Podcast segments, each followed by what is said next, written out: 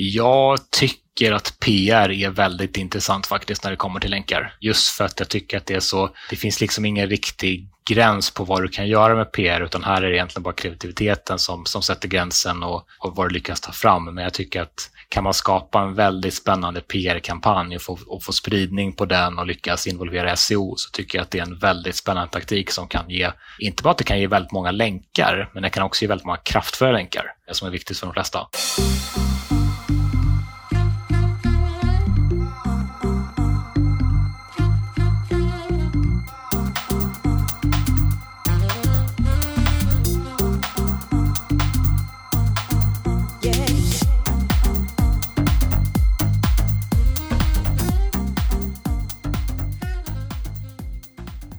Välkommen tillbaka till Digital marknadsföring med Tony Hammarlund.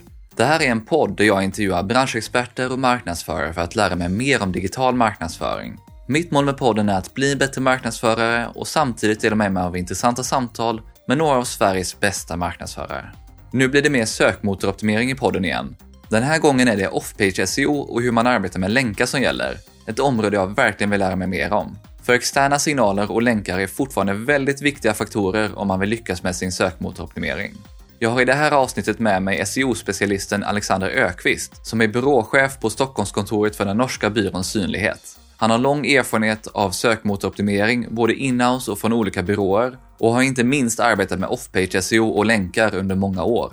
Alexander har dessutom suttit med i juryn för allt från Svenska SEO-priset till Nordic Semrush Awards och European Search Awards. Vi börjar avsnittet med att Alexander förklarar vad off-page SEO är och vad det innebär mer än länkar. Han förklarar sedan bland annat vad som kännetecknar en bra länk och vilka faktorer det är som bestämmer det. Och hur viktiga länkar är idag. Alexander går även igenom vilka huvudsakliga strategier och taktiker det finns för att bygga länkar och vi pratar om hur hans arbetsprocess ser ut med allt från analys och strategi till genomförande och utvärdering. Du får dessutom höra vilken som är Alexanders favorittaktik, vad som menas med relevanta länkar och vilka länkar som många sajtägare missar. Alexander förklarar även hur man bör tänka kring att bygga länkar för både nya och befintliga sajter och delar sina bästa länktips. Du hittar som vanligt länkar och andra resurser vi nämner i poddenlägget på tonyhammarlund.io, så du behöver inte anteckna. Efter länkarna i poddenlägget så hittar du även tidsstämplar till olika sektioner i intervjun. Innan vi kör igång så vill jag även passa på att presentera Queenslab som är med och sponsrar podden. Queenslab är en snabbväxande konsultbyrå som hjälper företag med utveckling, UX och design och numera även med digital marknadsföring med mig i spetsen. Så kolla gärna in oss på queenslab.se och hör av dig om du vill snacka mer. Och följ oss gärna på LinkedIn. Nu kör vi igång avsnittet. Alexander börjar med att förklara vad off-page SEO är och vad som ingår i det mer än att bygga länkar. Och när man säger ordet off-page så tänker nog kanske de flesta länkar, vilket är ju mest naturliga när man pratar om det. Det är ju oftast den primära metoden när man, när man arbetar med off-page SEO någonstans. Men, men idag finns det ju så mycket mer att jobba med också. Du har ju exempelvis mentions som många pratar om idag, hur då ditt eh, varumärke nämns på nätet eh, med annat innehåll, kanske istället bara för att få en länk, eh, så nämns ditt varumärke där istället också. Och i samma veva har du ju sociala signaler som det fortfarande pratas en del om, Eh, som kanske inte direkt har någon påverkan på SEO, men får det mycket delningar med mera så kan ju ditt innehåll få spridning och i sin tur leda till länkar. Så det skulle kunna ha en påverkan på SEO i den aspekten. Sen pratar man mycket med, om EAT också, eh, om liksom expertis och auktoritet och trovärdighet idag. Hur din sajt är i form av trovärdighet och hur expert du är på ditt område är något som Google tittar mycket på idag också. Och det kan man ju jobba med med off-page SEO också någonstans. För bygger du mer länkar och mentions från trovärdiga sidor så kommer ju det vara en signal till Google att det här är ju ett varumärke som har trovärdighet på nätet. De är experter inom området.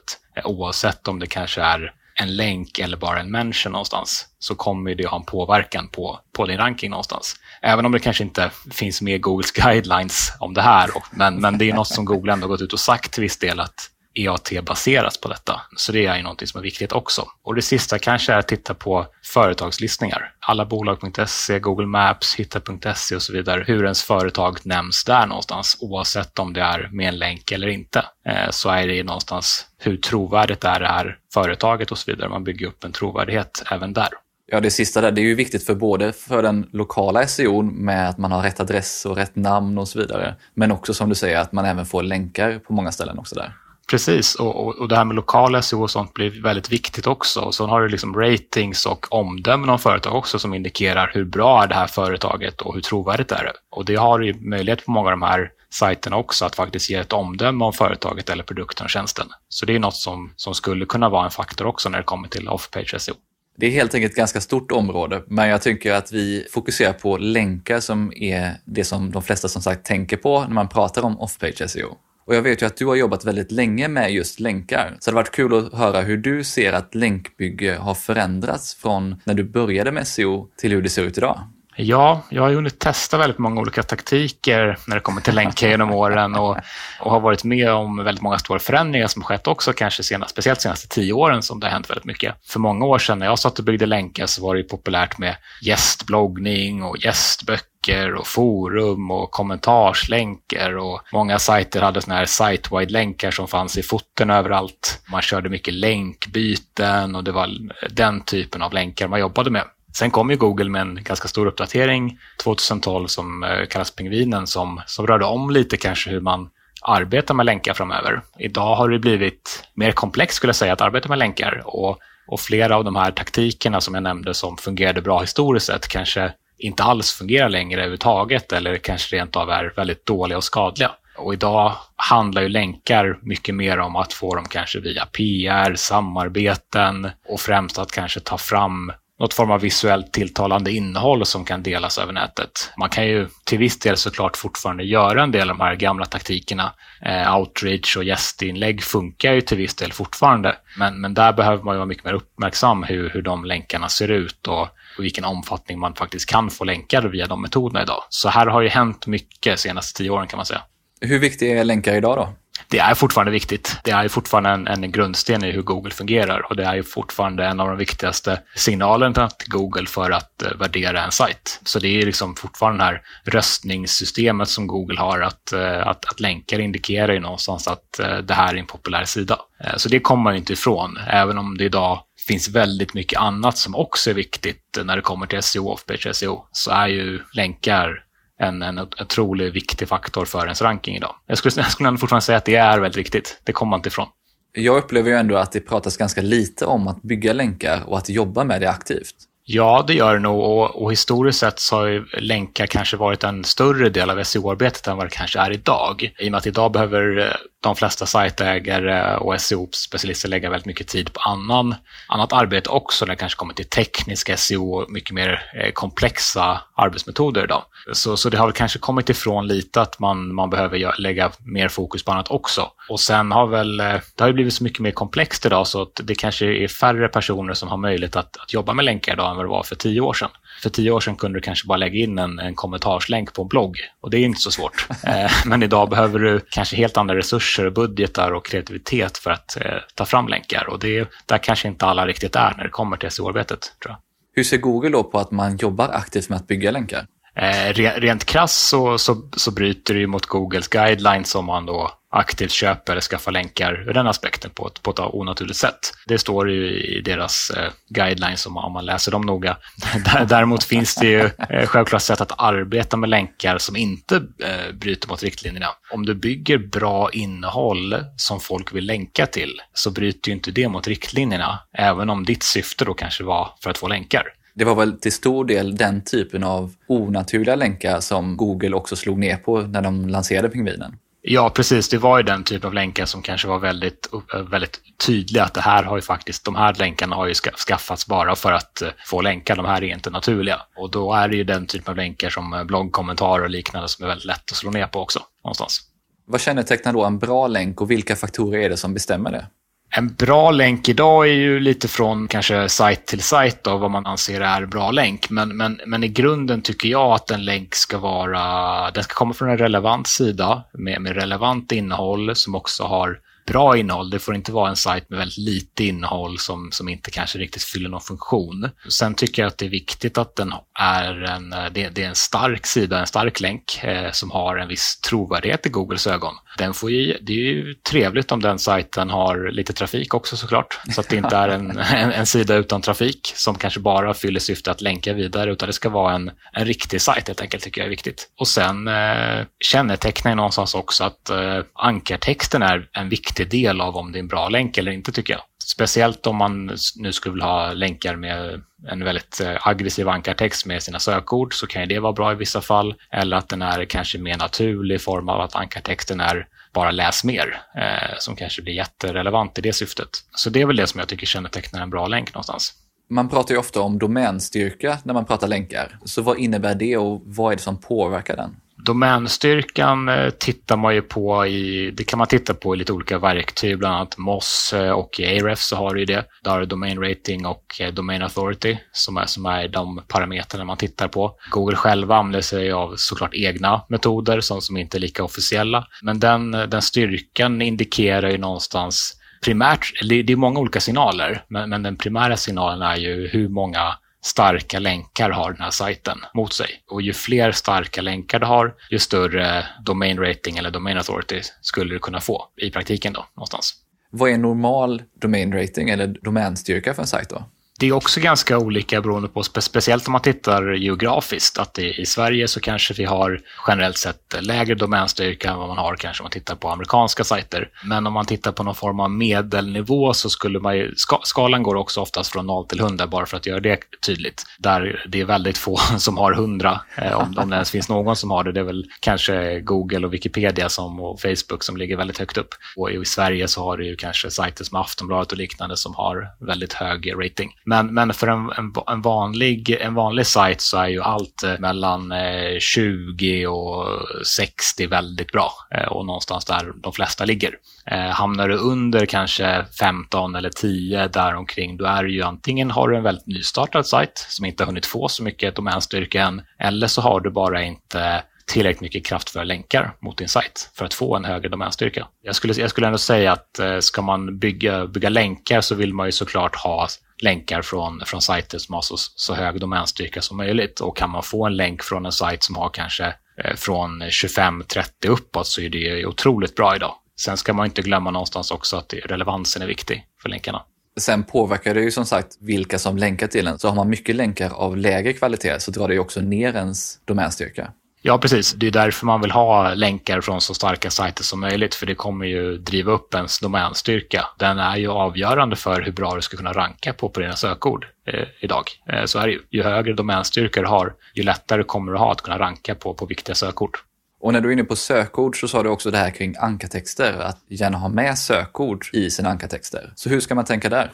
Jo, men det tycker jag. Sen bör man ju såklart titta på sin, sin länkprofil totalt sett så att det inte blir väldigt mycket sökordsfokuserat i ankartextlänkarna. För det måste ju någonstans vara en, en naturlig fördelning av hur ankartexterna ser ut i din länkprofil. Om du har 50% av länkarna med, med, med, dina sökord, då är det en ganska onaturlig länkprofil skulle jag säga. Eh, för de flesta, de flesta sajter har ju primärt ankartexter som är varumärket eller URLen eller läs mer. Men om man behöver förbättra sin ranking på specifika sökord så kommer ju ankartexten hjälpa dig att förbättra rankingen på de sökorden. För det är ändå fortfarande en signal till Google att den här länken handlar om det här sökordet. Det är en lite tydligare signal till Google att det här sökordet är viktigt för den här länken. Så förutsatt att man inte har överanvänt det här så kan det vara ett bra sätt att öka rankingen för en viss sida på ett visst sökord? Ja, precis. Och då får man kanske titta ner på, på URL-nivå för att se okay, hur många länkar har den här URLen mot sig och hur ser ankartextfördelningen ut? Vi kanske redan har fem länkar till den här sidan och fyra av dem har redan sökord i sig. Då kanske det inte är en bra idé att eh, länk nummer sex också har sökord i sig. Eh, då kanske man behöver ha en läs mer eller bara varumärket eller någonting för att få en jämnare fördelning. För då kanske det inte är ankartext som är det avgörande, då kanske det är antal länkar som är viktiga eller styrkan på länkarna som är viktigare. Hur påverkar typen av länk, om det är en bildlänk eller textlänk och även placering på sidan värdet av länken? Nej, men det är klart att det, placer- eller det, det, påverkar. Placeringen är ju idag kanske inte lika viktig som den var förut skulle jag säga, men kan man välja så klart att man vill ha länken i texten någonstans och gärna så tidigt som möjligt så att Google följer länken tidigt. Eh, så är det absolut. Och, och, jag skulle ju föredra att få en, en länk i textinnehåll kontra en bild. Även om en bildlänk är alltid en länk också någonstans. Så att man ska inte bortse från dem. De kommer ju ge värde de också. Eh, men just i text så har det ju kanske mer påverkan hur, hur ankartexten ser ut och så vidare någonstans. Så i, i text, i relevant innehåll är ju att föredra helt klart. Du var inne på att en bra länk är ju också en så kallad dofollow-länk. Men fyller nofollow något värde idag? Indirekt nej, så gör den inte det. Eh, Google följer ju inte den länken så som det har varit historiskt sett. Sen så förändrades ju det här bara för ett par år sedan hur nu eh, nofollow-länkar ska följas och Google även till lite nya attribut eh, för, för nofollow-länkar. Så numera ser ju Google en nofollow-länk som en, en hint då, så att säga, med, med, allt vad det nu innebär i, i Googles ögon. Då. Men den ska ju inte följas eller ge något länkvärde rent krast. Däremot så fungerar ju nofollow-länkar lite som en form av att den ger en välbalanserad länkprofil. För det är ganska naturligt och vanligt att du får nofollow-länkar idag också. Och eh, någonstans så kan ju även det kanske är lite långsiktigt, men, men någonstans så kan ju nofollow-länkar ge trafik som i sin tur skulle kunna ge delning av länkar. De kan ju absolut fylla ett värde. Däremot så, så kommer de antagligen inte ge något länkvärde direkt. Ja, men det är jätteviktigt att få med det här att länkar är ju inte bara till för att öka sin ranking utan det är även trafik som man kan få från länkar. Det är ju någonting som är väldigt viktigt att få med sig oavsett om det då är en nofollow-länk eller om det är en do-follow-länk. Exakt, och jag tror många faktiskt glömmer det idag som jobbar med, med SEO, att man bara tittar på vilken, vilken kraft den länken ger, vilket såklart är det det primära syftet och det som är mest intressant. Men de kan ju som sagt även ge trafik om de kommer från rätt sajter och, och mer trafik kan ju i sin tur ge fler delningar och fler länkar. Så att det är inte dumt att titta på vad de här länkarna faktiskt genererar i form av trafik också, om man ska nu arbeta mer långsiktigt med det. Du var inne på det här med att en länk ska vara relevant. Så vad innebär det egentligen? För det är ju någonting som många pratar om. Ja, och, och, relevans är ju något som är viktigt idag när det kommer till Google någonstans. Att, att eh, det, och i relevans idag är ju mycket mer än att bara ankartexten är sökordet. Google förstår ju så mycket mer idag och tittar på korrelationer mellan två sajter. Hur, hur nära är de varandra i form av ämnet eh, och hur expert är den här sajten eller författaren som länkar. Men någonstans eh, så vill du ju i, i, i den mån det går få länkar från, från sajter som pratar om samma ämne eller produkter, och områden som du själv arbetar med. Eh, det är ju såklart att föredra. Eh, för då har du den kopplingen då att den här sajten handlar om samma sak. Det, och det blir en indikation till Google såklart att här finns det ett tydligt samarbete, här finns det en tydlig anledning till varför den här sajten länkar till den sajten. Det blir en signal att eh, det är större sannolikhet en länk som borde ge värde i form av relevansen. Men är det kontexten som länken finns i eller är det sajten i sig? Jag skulle säga både och. Eh, sajten i sig kan ju ge då den här expertis som vi pratade om att det upplevs som att den här sajten är expert inom det här området som, som såklart ökar relevansen. Men sen också väldigt mycket kontexten är ju någonstans viktigt också att, att det finns ett, en koppling mellan länken och innehållet så att det inte bara blir en länk för sakens skull utan det ska ju finnas en koppling i innehållet till varför du länkar till den sajten. Eh, såklart, för det tittar Google på oss när, när de följer länken. Vart ifrån kommer den här länken och i vilket, vilken kontext och vilket innehåll kommer länken ifrån? För att bedöma den relevansen och hur mycket den här länken då borde ge.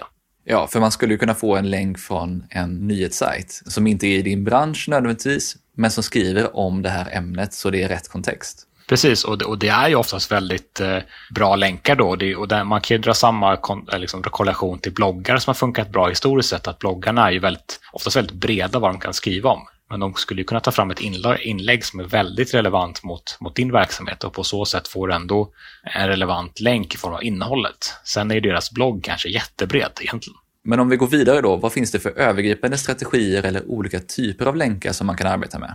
Det finns ju flera metoder och strategier idag att jobba med, men om vi ska ta några som fortfarande kan fungera ganska bra eh, och, arbeta med idag, det är ju primärt då outreach har ju länge varit ett, ett sätt att få länkar på och det, och det funkar ju till viss del fortfarande idag. Att man hör av sig till relevanta sajter och, och ber om en länk där, där det passar in eller att man kanske tar fram ett, ett visst innehåll till dem då som är relevant och, och passar väldigt bra. Eh, så outreach eh, kan ju fortfarande fungera även om det kanske är lite mer tidskrävande idag än vad det var varit historiskt sett.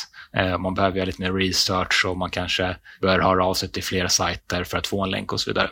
Och sen har vi såklart brutna länkar som är bra att titta på. Eh, och då om man tittar på första brutna länkar som man själv har till sin egen sajt, eh, att man ser till att fixa dem någonstans så att de blir redirectade eller att man skapar de sidorna igen. så att man inte har massa länkkraft som går till, till brutna länkar helt enkelt. För då tappar man ju den länkkraften eh, helt enkelt. Och sen en ganska bra metod också är att titta på konkurrenternas brutna länkar. Finns det någon länk där som man skulle kunna faktiskt eh, höra av sig till den sajten och säga hej, vi har ju också det här innehållet som passar som de kan länka till istället. Då. Det kan vara en, en ganska bra taktik där, för det är ju det är egentligen ingen som vill länka till, till sidor som inte fungerar. Så det kan man absolut göra.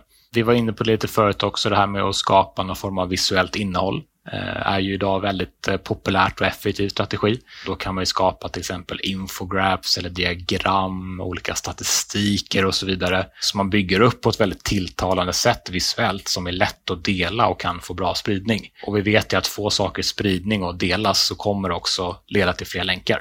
Så det kan ju vara ett, eh, ett väldigt vinnande koncept och, och strategi. Det kräver ju lite mer tid och resurser och att man tar fram bra statistik då, eller infographs. Så det behöver ju det behöver finnas ett, ett, ett, tydligt värde i det man tar fram helt enkelt. Någonstans. Det behöver vara intressant för att få folk att dela det. En strategi som jag tror att ganska många glömmer är ju att se över vilka länkar du har till startsidan. Och kanske se över då om det finns några länkar där som istället borde gå till en specifik sida som kanske är mer relevant. Du kanske har fått en, en väldigt tydlig ankartextlänk till startsidan men den borde egentligen gå till en produktsida. Då kan du ju faktiskt höra av dig till den sidan som länkar och säga att den här sidan är mycket mer relevant att länka till. Och förhoppningsvis gör de det. Och då stärker upp den produktsidan istället. Och sen sist då kanske du har något som blivit populärt på senare tid också att arbeta mer med är ju PR. Det går väl lite hand i hand där kanske med att skapa visuellt innehåll, men med PR kan du skapa annat typ av innehåll också som får en viss spridning och då förhoppningsvis även länkar. Och arbetar du mer med PR idag så,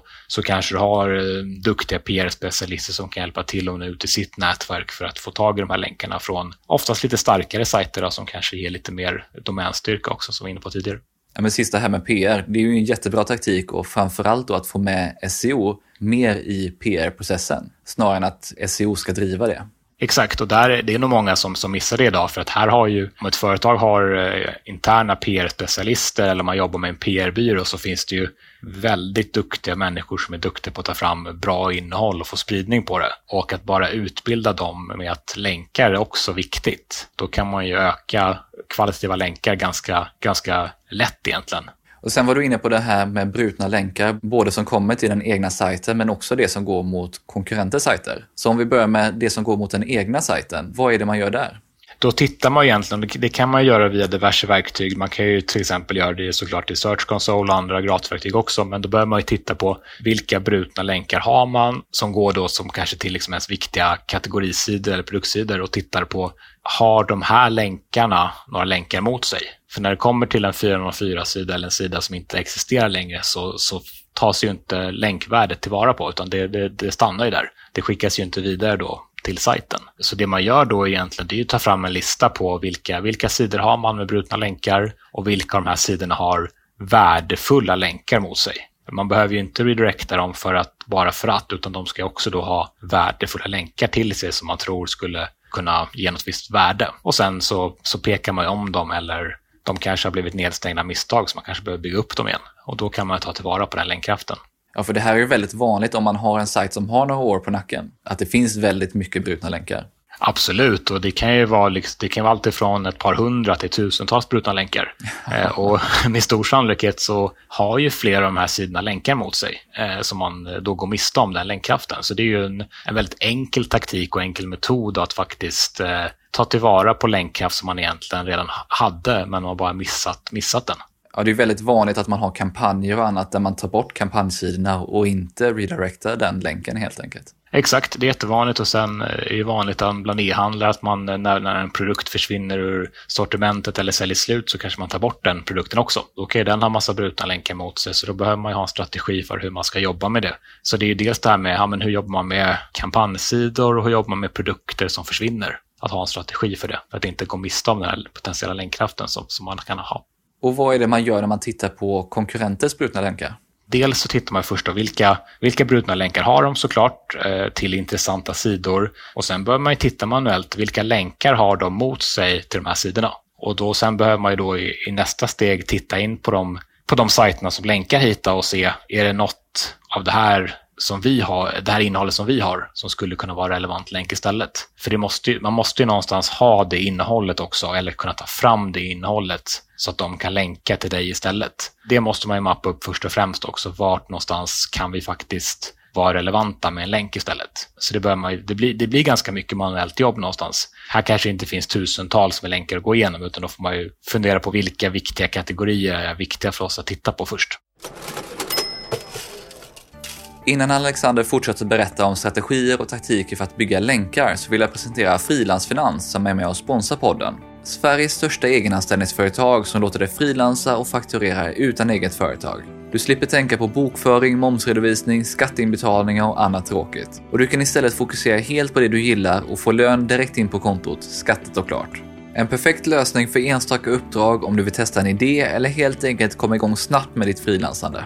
Det var också så jag kom i kontakt med dem när jag letade alternativ för att fakturera för poddsponsring. Så jag tycker det är lite extra kul att Frilansfinans nu sponsrar podden. Jag kan verkligen rekommendera tjänsten och funderar du på att börja frilansa eller har uppdrag du snabbt behöver kunna fakturera så tycker jag du ska kolla in Frilansfinans. Mer information om tjänsten och hur det fungerar hittar du på frilansfinans.se och hälsa gärna från mig också. Stort tack Frilansfinans för att ni är med och sponsrar podden. Vad finns det för andra vanliga strategier eller taktiker som ofta används? En annan vanlig metod är ju skyscraper-taktiken då, som sagt, som går ut på att du eh, tittar på, på sökresultatet eh, och vilket innehåll de här sajterna har tagit fram. Och sen ser du helt enkelt till att ta fram ännu bättre innehåll eh, än vad de har tagit fram och så ber de länkar till din sida istället, för den har ju bättre innehåll någonstans. Det är en taktik som har visat sig fungera ganska bra. Den kan ju vara delvis ganska omfattande i, i tid och sådär, men, men, men någonstans är det ändå att ta fram bättre innehåll än sina konkurrenter är oavsett viktigt. Och kan man i sin tur lyckas skaffa lite länkar på köpet så är det ju ännu bättre såklart. Och sen har vi det här med, med gästartiklar som fortfarande förekommer. Kanske lite mindre utsträckning i Sverige och Norden, men, men det förekommer ju väldigt mycket i övriga Europa och, och, USA. Och det finns fortfarande möjligheter att, att jobba med det även här, här i Sverige. Gör det, absolut. Hur är det då med att köpa länkar? Rent eh, om vi tänker då, om vi börjar med Googles riktlinjer eh, så, så bryter... man får göra. Ja, exakt. Så, så, så, så bryter det såklart mot de riktlinjerna. Då. Men det förekommer ju till ganska stor utsträckning idag, eh, även på den svenska marknaden, skulle jag säga. Kanske lite mindre än vad det var för, för tio år sedan, där det var mycket mer vanligt att köpa länkar för de allra flesta. Så är det även något som, som många företag gör idag. Eh, och det kan man göra i flera olika sätt. Det kan ju vara att man gör det via outreach till exempel, att man faktiskt betalar bloggare eller liknande för att få en länk, att man gör det via samarbeten och det kan ju vara att antingen betalar du bloggen i form av pengar eller så ger du dem produkter. Det är ju en köpt länk det också egentligen. Och sen har du ju fortfarande möjlighet att kanske köpa länkar via diverse nätverk och så vidare. Så det, det, det förekommer absolut fortfarande. Och i vissa branscher inte minst. Ja, precis. Det, det är ju speciellt inom affiliate-världen så är det fortfarande vanligt såklart med, med att köpa länkar. Det är det. Vad är din favorittaktik och varför? Jag tycker att PR är väldigt intressant faktiskt när det kommer till länkar. Just för att jag tycker att det är så, det finns liksom ingen riktig gräns på vad du kan göra med PR, utan här är det egentligen bara kreativiteten som, som sätter gränsen och, och vad du lyckas ta fram. Men jag tycker att kan man skapa en väldigt spännande PR-kampanj och få, och få spridning på den och lyckas involvera SEO så tycker jag att det är en väldigt spännande taktik som kan ge, inte bara att det kan ge väldigt många länkar, men det kan också ge väldigt många kraftfulla länkar, som är viktigt för de flesta. Jag har sett många spännande case på det där jag eh, är fascinerad över hur man får till den spridningen och hur man, att det kan liksom generera tiotals eller hundratals länkar bara genom en kampanj. Kan man lyckas med PR och SEO så kan man ju komma otroligt långt. Så kan man kombinera PR och SEO så tror jag att det är en, det är en, det är en väldigt bra taktik idag. Och det är ju dessutom inte bara länkar utan att det är ju varumärkeskännedom på ett helt annat sätt än många andra länktaktiker. Ja, exakt. Och, och, skulle du lyckas med en PR-kampanj så kanske du, du, kanske får några länkar, men du kommer ju få väldigt många mentions också antagligen. Och det i sin tur kan ju vara väldigt viktigt någonstans. Alltså att det är ju en bra taktik ur flera aspekter skulle jag säga. Ja, men det är kul att höra vad du som expert säger, vad, vad du tycker är roligt att titta på. Hur ser då din process ut när du börjar jobba med en ny sajt eller kund? Vilka steg är du går igenom när du jobbar med länkar? Jag brukar eh, dela in den i lite olika steg där jag oftast börjar med någon form av nulägesanalys av, av sajten. Då. Och det gillar jag att göra ganska manuellt, att bara gå in på sidan och titta hur ser den ut. Har de bra innehåll? Hur upplevs hemsidan? Är den långsam eller snabb? Känns den trovärdig och så vidare? Bara titta med mina egna ögon hur jag uppfattar sajten. Eh, för då kan man oftast få en ganska bra indikation på om det här ja, men är den, eh, hur, hur, ser den ut? Är den bra egentligen någonstans? Sen brukar jag titta på, på, på ranking av viktiga sökord och hur ser länkprofilen ut? När jag tittar på, på, på länkprofilen så vill jag ju titta på antal länkar såklart. Hur, hur starka är de länkarna? Hur relevanta är de eh, någonstans? Men jag tittar ganska mycket också på, eh, på ankartexter, för det indikerar någonstans på hur aggressiv man har jobbat med länkar. Eh, så det ger en ganska bra indikation på också hur, hur, hur liksom den här nulägesanalysen blir. Och så tycker jag inte man heller ska glömma att titta på hur mycket sajten länkar ut eh, heller. Eh, I vissa fall så är det väldigt eh, naturligt och relevant att länka ut, men i vissa fall så kan man ju se att här används ju den här sajten bara för länkbygg och länka ut. Och då kanske man inte vill få länkar från den sajten, dels för, dels för den aspekten, men också kanske beroende på vilka sajter de väljer att länka ut till, om man vill förknippas med den typen av länkar. Och mycket av det arbetet kan man ju sagt titta manuellt. Så det är någonstans, det är oftast det jag börjar med när det kommer till den här processen. Sen egentligen eh, steg två i processen är att börja titta mer på okej, okay, vilka länkar tror jag kommer behövas för att bygga vidare här? Hur många länkar behövs? Vilken typ av kvalitet på länkarna? Hur starka behöver de vara? Och då måste man ju såklart titta på hur ser konkurrenterna ut och deras länkprofiler ut? Och ofta så ska man jobba kanske med specifika sökord, så då får man titta på hur sökresultatet ser ut för de sökorden och göra en bedömning på hur många länkar behövs för att eh, ranka topp tre på det här sökordet. Hur starka länkar har våra konkurrenter som rankar topp tre eller topp fem idag? För att göra en bedömning där vad, vad man själv behöver skaffa. Ja, men det här är ju en väldigt viktig sak, just att titta på vilka sökord är det vi faktiskt vill synas på och vilka sidor är det som ska synas där? Och då som sagt jämföra med sina konkurrenter. Ja, precis, för det är någonstans det som ändå, man sätter ju oftast målen därefter också, att ja, men det är det här sökordet vi vill ranka bättre på. Och då behöver man ju titta på konkurrenternas länkprofiler för att se hur många länkar har de till deras specifika då sida för, för det här sökordet? Hur relevanta länkar har de? Hur starka är de länkarna? För att få ett hum om vad man själv behöver göra. Då kanske man i vissa fall ser att nej men, oj, vi har ju inga länkar till vår kategorisida medan konkurrenterna har 10 eller 15. Och då, då, får man en indikation på att vi behöver också kanske ha någonstans mellan 10-15 länkar för att kunna konkurrera här. Och I vissa fall kanske det inte alls är, är länkarna man upptäcker är problemet där det ger oftast en väldigt bra indikation på vad, vad man antagligen behöver göra i länkväg för, för att nå det målet då som man sätter upp. Så absolut, eh, där görs ju en stor del av arbetet också skulle jag säga idag. När du har gått igenom de här stegen och gjort den här analysen, hur går du vidare för att sätta upp en plan och en strategi för arbetet? Men då har man oftast ett bättre svar på kanske dels hur många länkar som behövs, men också kanske vilken typ av länkar som verkar vara intressanta för Google. Att ja, men här är det den här typen av länkar som verkar värderas högt. Då börjar ju processen att fundera ut, okej, okay, vilken typ av länkar och vilken typ av strategi ska vi arbeta med när det kommer till länkar? Kommer det räcka med att bara kanske höra av sig till några samarbetspartners man har och få länkar? Eller kommer det kanske kräva att man behöver göra en större PR-kampanj för att få tag i 15 eller 20 länkar? Så då börjar någonstans det arbetet att specificera exakt hur många länkar behövs det? Vilken typ av strategi behöver vi jobba med och hur ska vi få tag i dem? Och sen tycker jag att man behöver också specificera, okej, okay, men hur lång tid kommer arbetet ta beroende på vilken strategi man väljer? Det kan ju vara alltifrån att det tar två månader till att det tar ett år att göra det här. Och sen behöver man såklart specificera målsättningar man hade då. När tror man att man kommer uppnå de här målen då? När ska man börja utvärdera länkarna och resultatet? När är vi då kanske topp tre på det här sökordet och så vidare? Så där någonstans börjar den planen vidare. Och sen är det egentligen, sen, sen börjar man ju jobba vidare på den här strategin som man kanske valde för länkar. Då. Är det att höra av alltså sig till partners och samarbeten så tar, börjar man ju titta på vilka samarbeten har man och vilka har man inte länkar ifrån och börjar jobba vidare på där. Bestämmer man sig för att jobba med PR så gäller det att börja fundera ut någon bra PR-kampanj och vilket material man ska ta fram och så vidare. Så, så, så sen är ju egentligen processen vidare beroende på vilken strategi man väljer, ska jag säga. Hur ska man tänka kring domänstyrka när man bygger länkar och ska man undvika att få länkar under en viss nivå? Både ja och nej, skulle jag säga. Man ska ju vara såklart eh, öppen för de flesta länkarna man kan, kan få så länge de är relevanta och bra. Men det är klart, om du, om du har en väldigt eh, stark eh, sajt idag redan med väldigt hög domänstyrka så vill du oftast ha länkar från lika starka domäner eller starkare för att bygga upp din ytterligare. Men med det sagt så kan det ju fortfarande vara så att eh, du hittar en, en väldigt relevant och fin sajt som är dock nystartad och inte har hunnit få så hög domänstyrka men du ser en stor potential i den sajten att den kanske kommer få det på sikt. Så då kanske den sajten ändå är värd att få länk ifrån, även om den har väldigt mycket lägre domänstyrka än vad du har.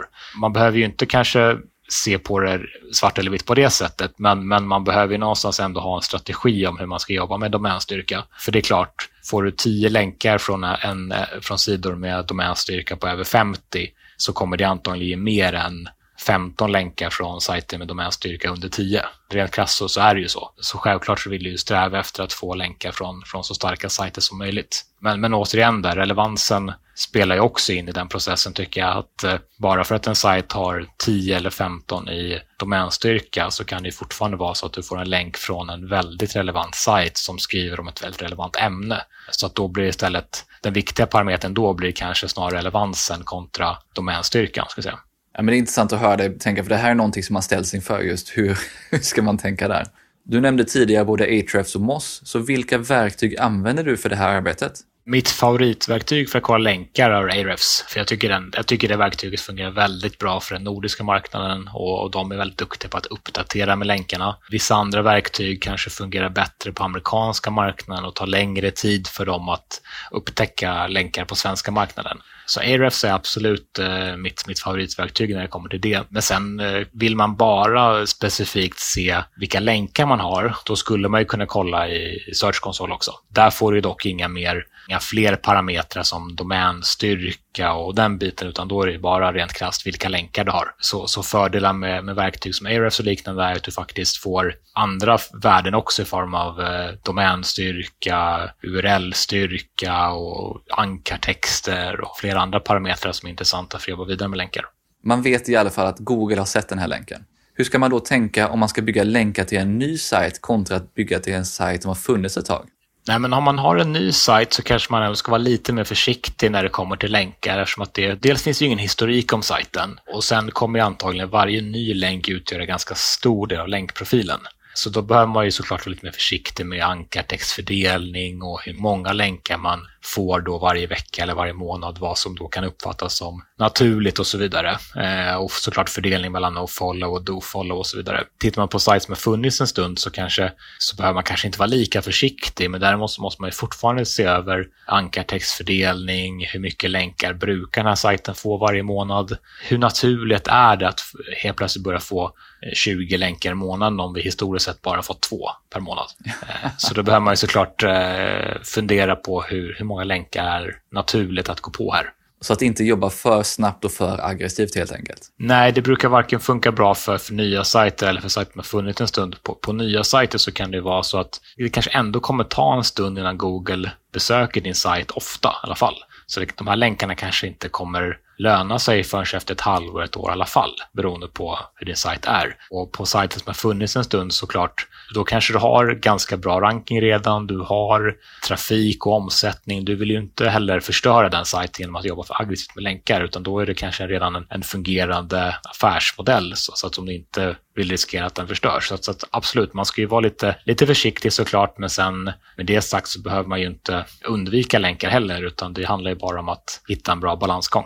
Bör man försöka bygga länkar till specifika sidor som man vill ranka högre? Eller bör man länka till startsidan eller högre upp i strukturen? Där tycker jag också man ska se lite från fall till fall. Det kan ju oftast vara lättare att få länkar till startsidan och sen får man vara duktig på att eh, jobba vidare med internlänkning från startsidan. Och det är oftast ganska naturligt att du får flest länkar till startsidan. Så det så ska man absolut se till att få länkar till startsidan för det är oftast enklare. Men med det sagt så, så kommer det ju med stor sannolikhet även behövas länkar till specifika landningssidor för förbättrad ranking på de specifika sökorden. Eh, I många fall i alla fall, när det, speciellt när det rör sig om sökord som är konkurrensutsatta så kommer du behöva länkar till specifika landningssidor. Så är det oftast.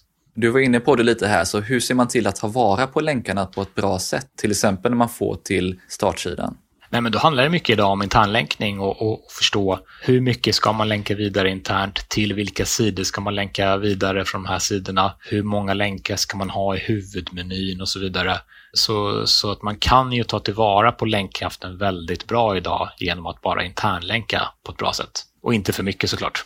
Nej, men det är just att se till att prioritera var ska vi skicka vidare länkkraften till? Exakt, för man skulle ju rent, rent krasst så skulle man kunna länka till alla sina sidor från startsidan. Men alla sidor är ju inte lika viktiga. Så då handlar det någonstans om att prioritera ut vilka sidor är viktiga för vår verksamhet från startsidan. Och sen får man ju i sin tur då länka vidare från de sidorna senare till mindre viktiga sidor. Men just startsidan är ju oftast den starkaste sidan på, på en domän, så där ska man ju primärt sett länka till de viktigaste sidorna. Du var inne på det lite tidigare här också, men vad kan hända om man jobbar för aggressivt med länkar?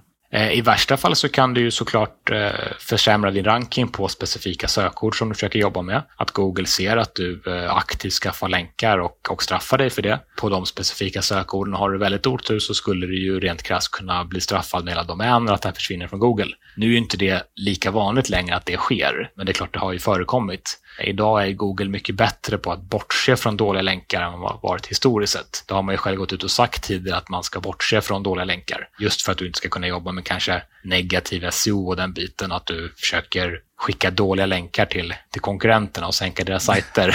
det är inte lika lätt idag som det var kanske för tio år sedan att göra. Man behöver kanske inte vara lika orolig idag för det som man kanske var historiskt sett. Men absolut, det, kan ju, det förekommer ju fortfarande att eh, sajter kan bli straffade för det. En fråga som jag är jätteintresserad av att höra hur du tänker kring det här, det är hur du följer upp och utvärderar arbetet med länkar. Ja, och det är ju inte alltid kanske liksom eh, jättelätt att göra, för man måste ju någonstans säkerställa att det inte sker för många förändringar samtidigt på sajten. Ja, precis. Så att det inte är så att eh, samtidigt som du bygger länkar så tas det fram jättemycket nytt innehåll. Du väljer att eh, optimera andra delar av din tekniska SEO eh, och så vidare. Eh, för då blir det såklart svårt att mäta effekten om det görs väldigt mycket arbete samtidigt. Om möjligt så vill man ju försöka minimera andra typer av förändringar samtidigt som jag jobbar med länkar just för att kunna se vilken effekt gav de här länkarna då? Men sen handlar det också om att försöka se när Google upptäckte länken och vilken förändring det ger på rankingen då. Och lista ut, ja men när upptäckte Google länken och hur många dagar eller veckor efter de upptäckte den skedde någon förändring i rankingen och börja förstå då, var det länken eller var det någonting annat som gjorde den förändringen och då börja analysera vad ger de här länkarna faktiskt i form av rankingvärdet någonstans. Men det handlar ju mycket om bara bevakning av, av ranking egentligen någonstans. Hur vet du när Google upptäcker länken? Det kan man göra på flera sätt. Man kan ju få en indikation på det såklart via verktygen, att om Ahrefs eller liknande upptäckt länken så kanske också Google har gjort det. Eller att den finns i Search Console. Det brukar dock ta lite längre tid innan man ser en Search Console, min erfarenhet. Men sen kan man ju faktiskt också bara titta på den sajten du fick länk ifrån, ranka den sidan på, på Google och eh, titta på när besökte Google den sidan senast och hur ser den catchade versionen ut? Finns länken med i den catchade versionen hos Google?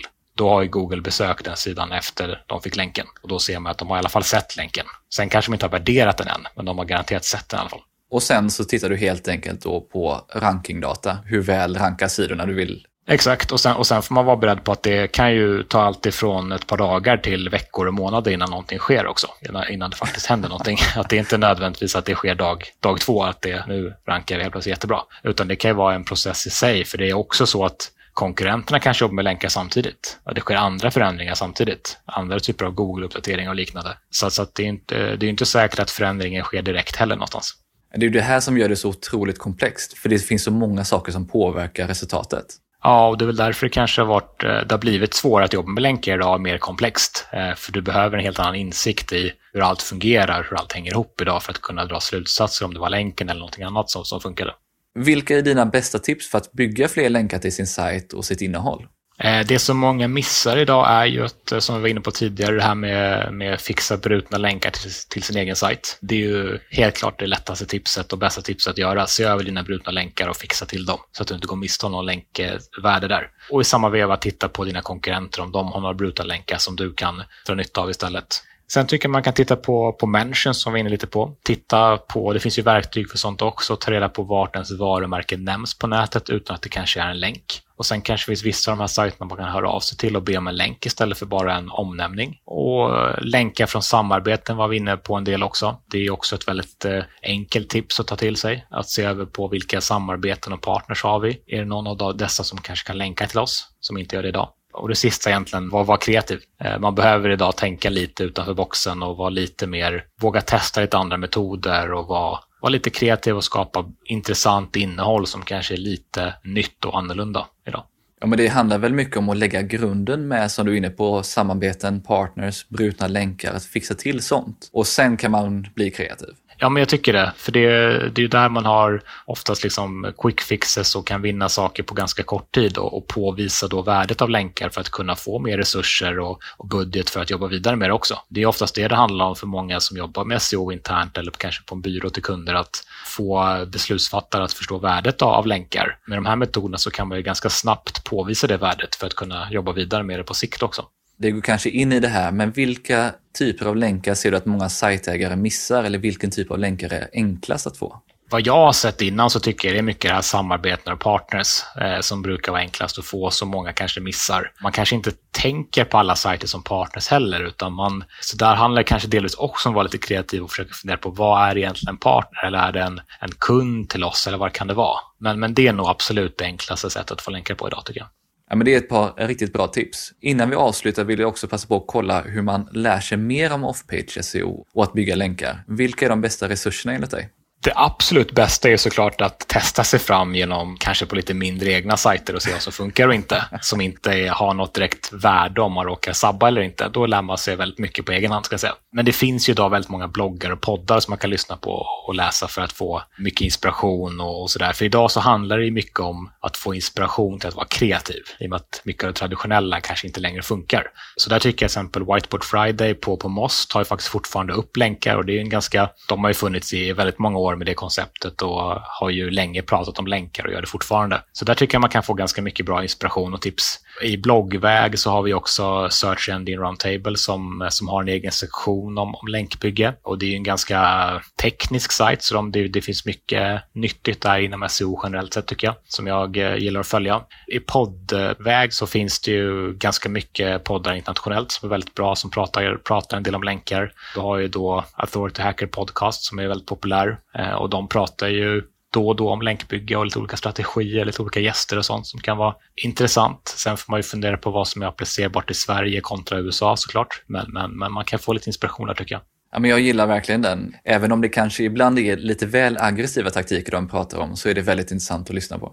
Jag tycker det. De har oftast ganska många intressanta gäster som kanske jobbar väldigt mycket med specifikt till exempel länkar som har gjort det länge, som har, men även om man kanske inte kan applicera allt på ens egen strategi så kan man ändå kanske komma igång med det här kreativa tänket som, som jag tycker behövs för det här. Ja, men det här tycker jag är ett jättebra sätt att avsluta den här intervjun på. Stort tack för idag! Tack så jättemycket, kul att få vara med. Off-page SEO och framförallt länkar är ett område jag velat fördjupa mig i ett bra tag nu. Så det var riktigt kul att få prata med Alexander som har jobbat med länkar under många år och höra hur han tänker kring att bygga länkar. Jag fick mängder med idéer från mitt samtal med Alexander och jag hoppas att du också fick en del bra insikter som du kan ta med dig. Och som vanligt så kommer här mina tre främsta insikter från intervjun. 1. Att göra grundarbetet innan man börjar lägga tid och pengar på stora kampanjer. Allt från att fixa brutna länkar och skaffa länkar från partners till att fördela länkkraften med rätt internlänkning. 2. Att arbeta med PR kan vara oerhört kraftfullt även när man arbetar med sökmotoroptimering. För det kan ge stora mängder av både omnämningar och länkar, samtidigt som det stärker varumärket och kan driva mycket trafik. 3. Att tänka på att länkar även kan generera trafik när man planerar sitt länkarbete. För vilka länkar skulle du vilja ha även om Google inte gav dig något värde för dem? Ett tips också är att lyssna på avsnitt 62 om sajtstruktur med Ulrika Wiberg om du inte redan har gjort det. För där pratar hon bland annat om intern länkstruktur, vilket är viktigt för att fördela länkkraften på rätt sätt. Jag vill också gärna höra vad du tog med dig, så dela gärna dina tankar i en kommentar, ett meddelande eller ett mail. Och passa gärna på att skicka en kontaktförfrågan på LinkedIn om vi inte redan har connectat. Du hittar som vanligt länkar till allt vi nämnde i poddenläget på tonyhammarlund.io. Där finns bland annat länkar till de verktyg och resurser som Alexander nämnde. Gillar du det här avsnittet och podden så vill jag som vanligt påminna om att prenumerera och tipsa gärna andra om podden. Avslutningsvis vill jag passa på att tacka Mikael på Better Waves som hjälper till med att producera den här podden och stå för musiken. Vi hörs snart igen med fler intressanta gäster och ämnen.